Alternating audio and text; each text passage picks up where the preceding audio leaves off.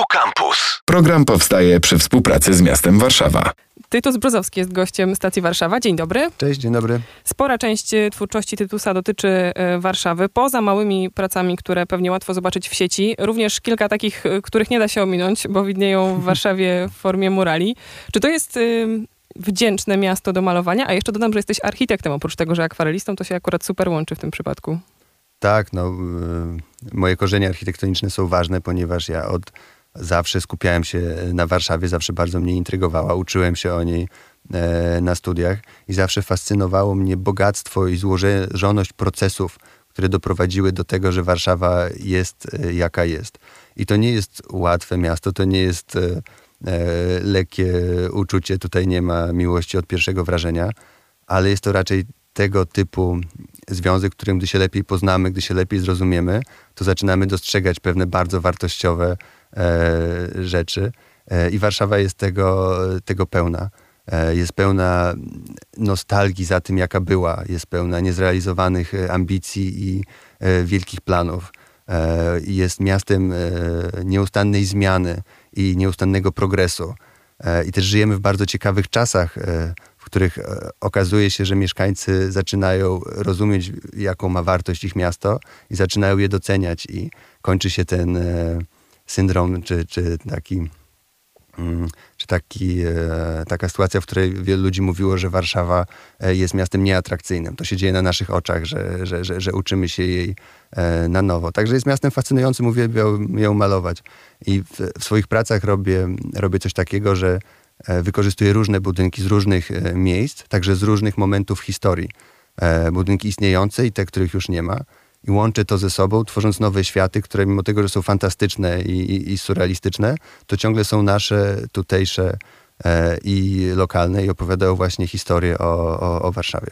Pomyślałam, że to też jest taki y, ciekawy, chociaż chyba nieznaczący skok, że z takich y, architektonicznych, projektowych, czarno-białych rysunków przerzucasz się w świat pełen koloru, czyli dokładnie 180 stopni.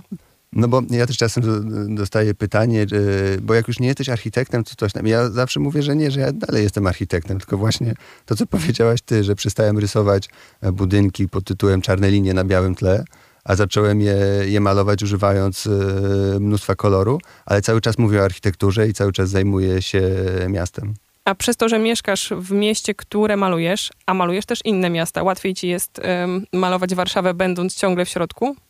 No oczywiście, że tak, no bo też y, można być świadkiem tego wszystkiego, co się tu dzieje i świadkiem tej zmiany, ale też można to miasto naprawdę dobrze poznać i zrozumieć. Bo ja malowałem serię obrazów o polskich miastach dla polskiej organizacji turystycznej. Oni używają tych obrazów do promowania turystyki w Polsce, e, w świecie. Malowałem serię dla Instytutu Polonika, czyli obrazy z miast całego świata z elementami kultury e, polskiej. E, I za każdym razem starałem się tego miasta jak najlepiej nauczyć, dobrze je poznać i dopiero przystąpić do pracy. Niemniej jest to relacja na zupełnie innej płaszczyźnie w stosunku do miasta, które, które znam od dziecka, który, w którym znam prawie każdą ulicę, o którym się uczyłem na studiach, o których go budynkach bardzo dużo czytałem, dowiadywałem się i starałem rozwikłać mnóstwo, mnóstwo różnych historii. E, Warszawa jest mi szalenie bliska i też wydaje się, że całkiem dobrze ją znam. Jest jakaś dzielnica, która jeszcze nie została przez ciebie namalowana? Myślę, że są, zwłaszcza te takie chyba um, obrzeżne, bym powiedziała, jakiś, nie wiem, Wawer, Białołęka. Wiesz, no ja w ogóle skupiam się na tych bardziej e, historycznych e, dzielnicach. Czyli tak naprawdę najwięcej moich prac porusza się wokół e, Śródmieścia, Woli, e, Pragi, e, Saskiej Kępy. To są, to są rejony e, mojej działalności. Ale zdaje się, że niedługo będę pracował nad Ochotą, ponieważ jest spora szansa na kolejny mural właśnie na Ochocie. Powiedziałeś nad Ochotą, już się spodziewałam naprawdę jakiegoś rosnącego napięcia i faktycznie, nie wiem, Okęcia czy takiej jakiejś innej rzadkiej dzielnicy, ale wciąż Ochota. I to mi też e, pasuje do tego, co przyszło mi do głowy, kiedy patrzyłam na twoje prace, czyli to, że mam wrażenie, lubisz miasto takie trochę historyczne, kolorowe, czasem bajkowe, ale na przykład poza tymi wysokościowcami, które się pojawiają, nie widać tam na przykład, nie wiem, bloków z wielkiej płyty. Jakby, jakbyś zupełnie omijał ten czas, tylko zatrzymał się gdzieś, nie wiem, na początku XX wieku, kiedy mamy jeszcze kamieniczki kolorowe, piękne, a wielka płyta dopiero nadejdzie, albo te wszystkie inne zdobycze architektoniczne z lat powojennych. Wiesz co, no rzeczywiście trzeba powiedzieć, że nie jestem przesadnym fanem tego wszystkiego, co działo się po, po, po 45 e, e, roku w Polsce. Już na pewno nie tego, co się działo w latach 60., 70. czy czy 80.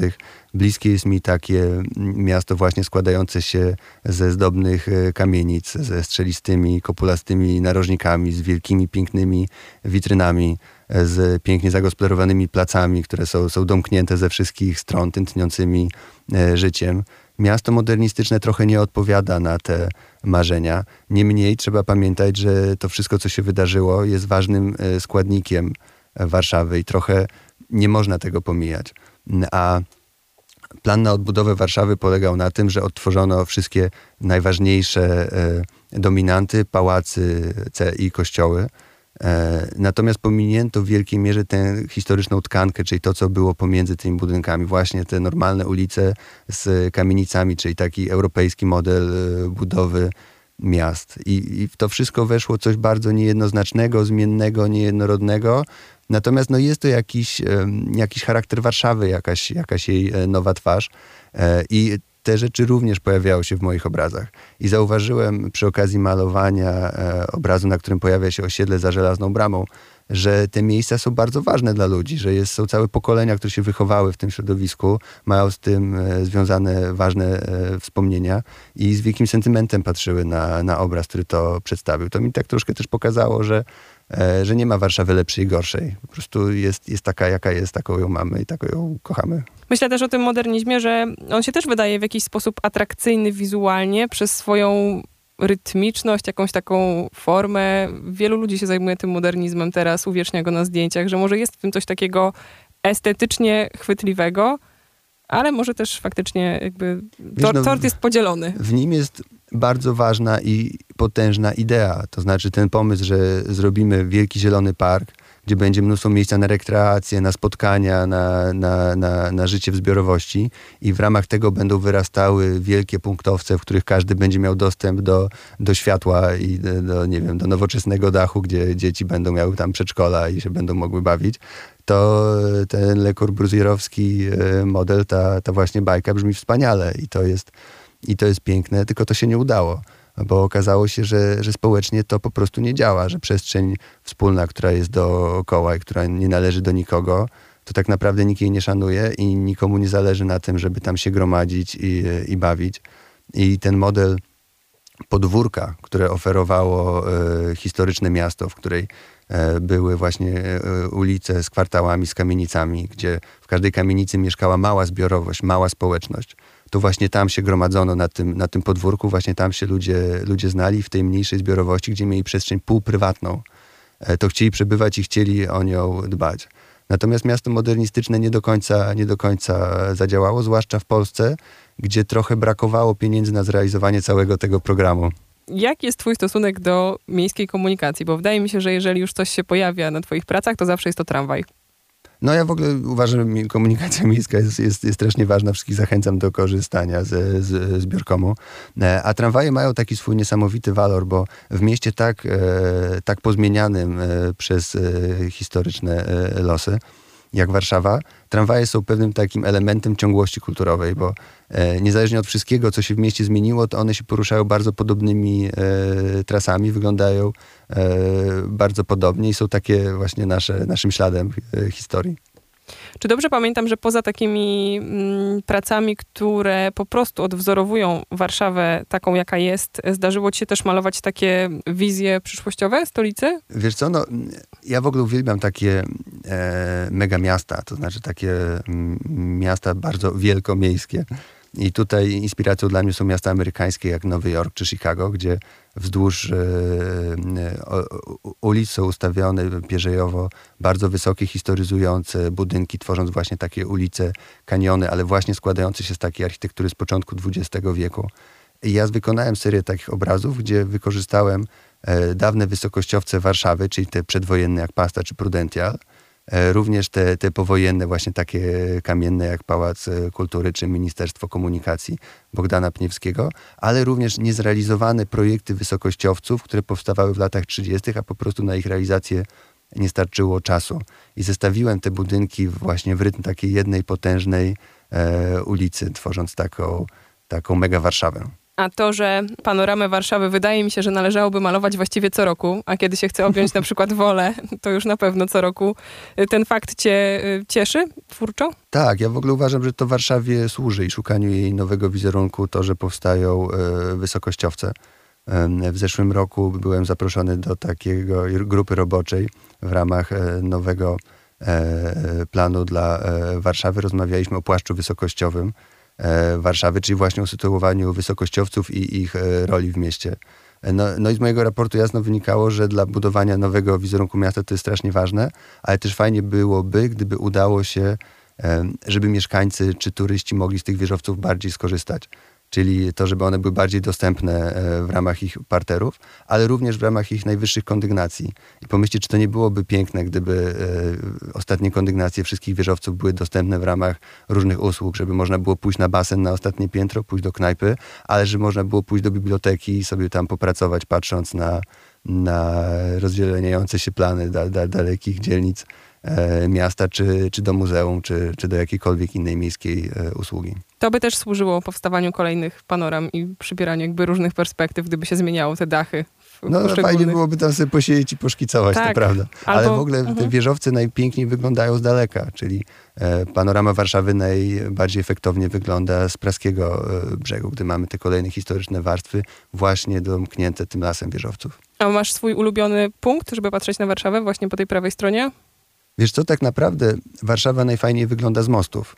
E, I tutaj Ale tam już są spory. Czy lepiej Siekierkowski, czy jeszcze jakiś inny? A tu po prostu trzeba korzystać ze wszystkich tych mostów po kolei, bo e, z każdego miejsca panorama jest inna i, i zawsze jest bardzo ciekawa. I też to jest fajne, że ona rzeczywiście się zmienia, bo powstają kolejne budynki i czasem się przesłaniają, czasem nie, czasem to wszystko się rozszerza. To jest ciekawe. Chciałam cię jeszcze zapytać o murale i nawet nie o to, jak powstają, bo y, ile jest ich w Warszawie obecnie twoich? Sześć. Sześć. No właśnie i sześć razy y, stałeś się jakąś taką częścią tkanki miejskiej. Jak do tego podchodzisz? To jest dla mnie w ogóle niesamowite. Ja się z tego cieszę jak dziecko. Zawsze jak jest okazja przygotować kolejny mural, to jestem po prostu dziko podekscytowany, bo dla architekta, który zdecydował się na pracę, która nie prowadzi do stworzenia budynków stworzonych według jego myśli, e, okazja, by, by pojawić się jakoś w mieście jest, jest wielką frajdą. I okazało się, że mimo tego, że, że nie pracuję w tym zawodzie, to ciągle mogę w mieście jakoś zaistnieć na swój własny sposób, właśnie oferując e, moje bardzo, bardzo kolorowe, surrealistyczne e, opowieści.